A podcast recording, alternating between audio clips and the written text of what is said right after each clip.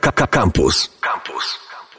Co tydzień jesteśmy w Szkole Głównej Gospodarstwa Wiejskiego, dokładniej w Katedrze Genetyki, Hodowli i Biotechnologii Roślin. Ja nazywam się Kamil Kuć. Dzień dobry, cześć. Naukąt. Tutaj prowadzimy już kolejne rozmowy o zmianach klimatu, kolejne, bo w Naukącie ten temat cały czas do nas wraca. Z nami aktualnie jest profesor Stanisław Karpiński, właśnie z Wydziału Genetyki, Hodowli i Biotechnologii Roślin. Dzień dobry. Dzień dobry panu, dzień dobry państwu.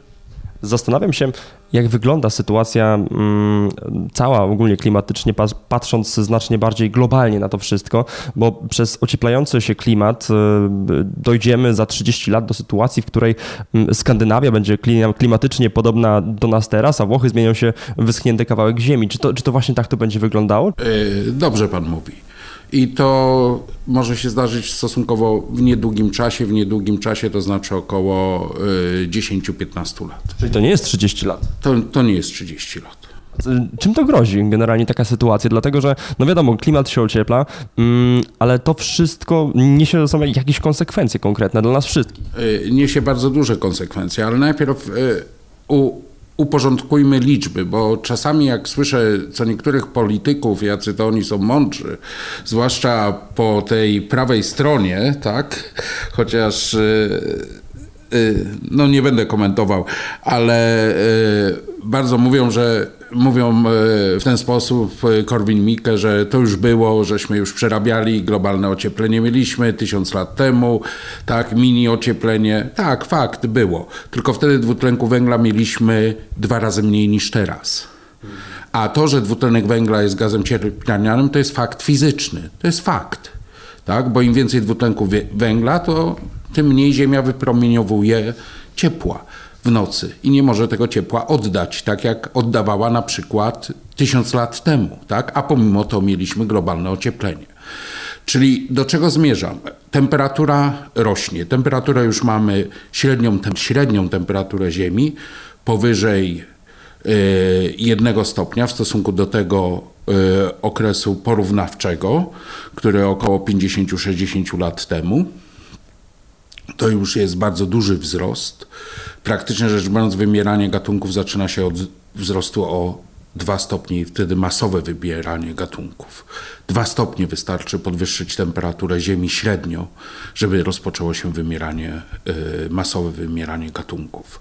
I to są fakty. Na kolejnym faktem jest to, że Słońce nie dostarcza nam wcale dużo więcej energii. Czasami nam dostarcza, więcej, czasami nie. Obecnie jest taki okres, gdzie Słońce nam nie dostarcza y, dużo energii i to widać po y, temperaturze jonosfery. Tak? Ona nie jest podwyższona w stosunku do tego, co jest normalnie. I y, mówienie o tym, że globalne ocieplenie jest czymś naturalnym, jest kompletnym złem, wprowadzaniem opinii publicznej w błąd, bo za 80% tych zmian odpowiada nasza cywilizacja. Jeszcze wracając do tego mm, wysychania tych południowych partii Europy szczególnie, mm, zastanawiam się, jak rolnictwo ma do tego wszystkiego, dlatego że we Włoszech takie, takowe istnieje, bardzo szeroko rozwinięte. Co z nim? Czy nie dojdziemy do takiej sytuacji, że choćby nawet u nas w kraju będzie problem z dostępem do żywności? Powiedzmy sobie tak, że teraz widzimy no, taki jak gdyby zaprzeczenie globalnego ocieplenia, bo mamy bardzo intensywne opady, tak? mamy y, dużo burz, y, powodzie, y, nadmiar wody. Ale musimy sobie zdać sprawę, że przez ostatnie 5 lat mieliśmy rok po roku suszę okresie wiosenno-letnim. Teraz też się zapowiadała, że susza nastąpi. Teraz w kwietniu się zapowiadała, w maju przyszło oziębienie i to jest związane z globalnymi zmianami klimatu. To jest związane z przyspieszeniem cyklów El Niño, La Niña. Te cykle zmieniły się z 7 lat na okres 4-5 lat już. Czyli zmiany przyspieszają. I praktycznie rzecz biorąc, to, że mamy teraz tak ulewne deszcze w tej części Europy, a środkowa, północna Syberia. 8 milionów kilometrów kwadratowych. Jakbyśmy sobie trójkąt od Bajkału narysowali w kierunku północy, tak, po, po prawie po Kamczatkę tak, i po Morze Białe, to ten obszar był najgorętszy w maju, ponad 30 stopni Celsjusza. My sobie nie zdajemy sprawy, co się globalnie dzieje, bo akurat tutaj w Europie, tu w Polsce, czy w rejonie środkowoeuropejskim żeśmy otrzymali deszcze, ale tam znowu jest globalne ocieplenie, jest temperatura znacznie wyższa niż była i znowu 2020 zapowiada się najgorętszym rokiem w historii, czyli będzie bardziej ciepło niż było w 2019. Globalnie. Co to oznacza dalej? Dla, to oznacza przyspieszone pustynnienie. I tutaj ma Pan rację, że tak, Włochy, Hiszpania są w tej strefie, gdzie Sahara będzie się powiększać. Sahara się już powiększa, tak? I ona inwazyjnie będzie się przenosić na południowe Włochy, południową Hiszpanię. Ale te kraje, one wiedzą o tym, jak gospodarować wodą i one gospodarują lepiej wodą aniżeli Polska. My marnotrawimy tę wodę. W tej chwili to jest dar z nieba, ta woda. Jej nie zatrzymujemy. Nie zbieramy jej w zbiorniki. To, jest, to są miliardy, miliardy złotych dar wody.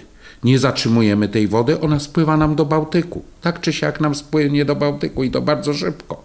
I znowu będziemy mieli zagrożenie, na przykład gdy będzie cieplejsze e, lato, lipiec, sierpień, zagrożenie suszą. Mówiliśmy o tym, że zmiany postępują bardzo szybko i to właśnie z rolnictwem problem jest naprawdę poważny i z retencjonowaniem tej wody. I zastanawiam się, czy teraz, czy już teraz w ogóle patrząc w perspektywie tych 15 lat, naukowcy myślą nad jakimiś rozwiązaniami. I, i ma, ma, mam takie dwa pomysły co do, y, co do tych rozwiązań, bo oczywiście nie patrzymy na przyzwyczajenia ludzi, nie patrzymy na zmiany polityczne, tylko o, od strony czystej nauki, co nauka może w tym, w tym wszystkim poradzić.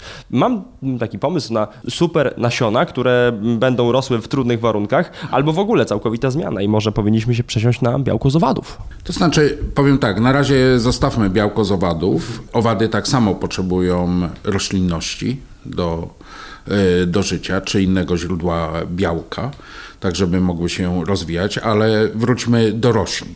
E, rzeczywiście tutaj hodowla i to przyspieszona hodowla nowych odmian, bardziej odpornych na te zmiany, na czasowe niedobory wody, tak? Nawet mogą być o takim samym lub niższym plonowaniu, ale które nam nie wymarnieją podczas, podczas yy, yy, niedoborów wody w glebie, czyli przejściowej suszy. Yy, bo to, że poziom wód podskórnych się obniża, to jest generalnie złe dla rolnictwa. Po prostu woda nie zatrzymuje się w górnych warstwach gleby i rośliny uprawne po prostu nie mają tej wody. Drzewa w jakiś sposób przeżyją, bo się głęboko ukorzeniają, tak? Sięgają znacznie głębiej w glebę do 10-15 metrów i spokojnie sobie tej wody poszukają. Natomiast y, rośliny uprawne nie poszukają tej, tej, tej, tej wody, jeżeli jej nie będziemy zatrzymywać. Y, nawadnianie pól to jest kolejne rozwiązanie. Portugalia, na przykład Hiszpania, posiada systemy zapasów wody na 3 lata kompletnej suszy. My tego nie mamy. My nie mamy nawet na jeden rok zapasów wody. A Polska należy do krajów mniej więcej tak zaopatrzonych w wodę jak Egipt. To my sobie z tego nie zadajemy. Jesteśmy suchym krajem. Stosunkowo suchym krajem jesteśmy.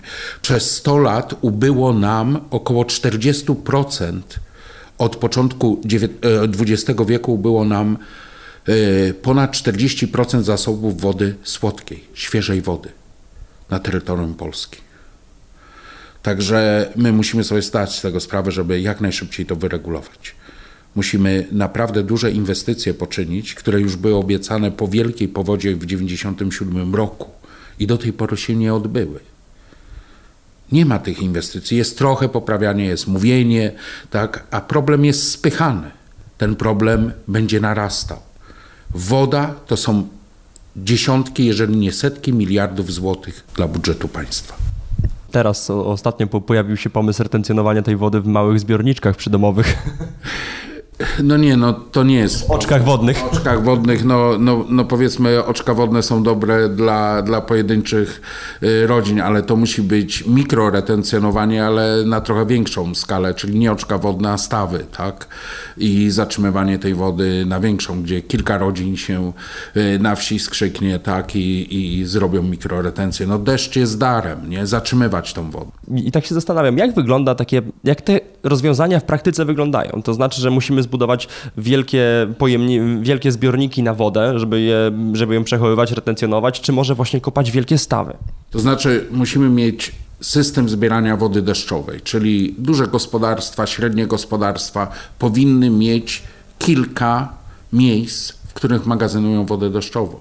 I ta woda jest zmagazynowana, czyli wykopane stawy tak, i wy, wy, wyregulowane. Yy, tak, żeby można było korzystać na przykład do nawadniania pól w okresie yy, suchym. To, to, to jest pierwsza rzecz. Deregulacja rzek. Im bardziej są rzeki wyregulowane, tak, im więcej mamy tych wałów przeciwpowodziowych, tym szybciej ta woda spływa nam do y, morza, do Bałtyku.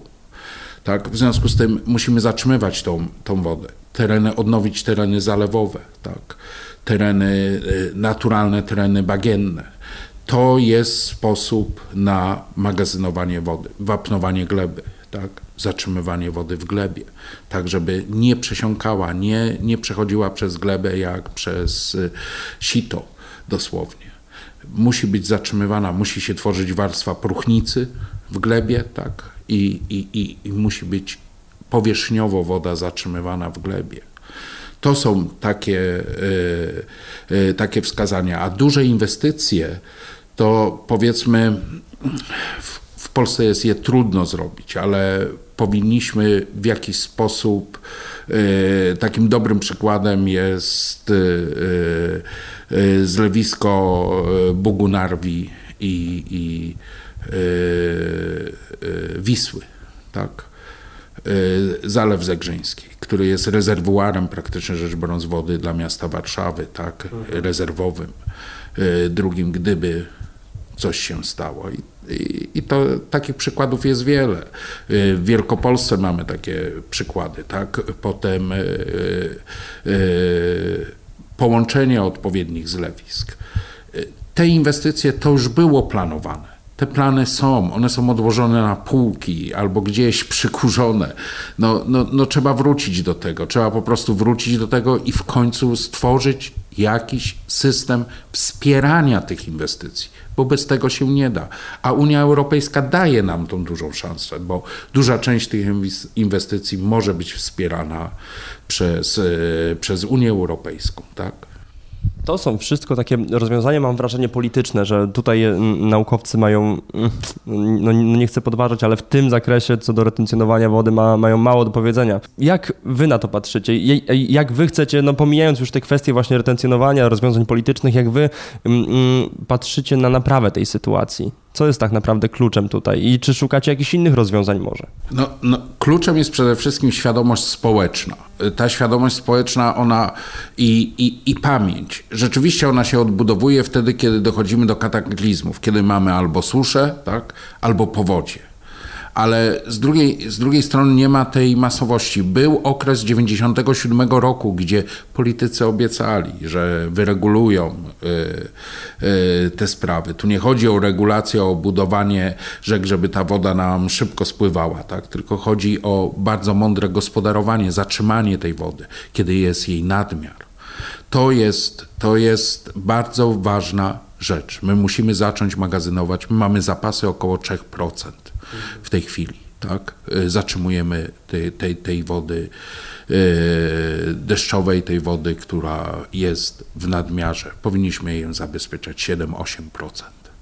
Czyli ta świadomość społeczna jest tu kluczem? Jest, tak, świadomość społeczna jest kluczem do, do, do, do tego, żeby był nacisk polityczny na to. No i wybory, na które mamy oczywiście wiele, największy wpływ.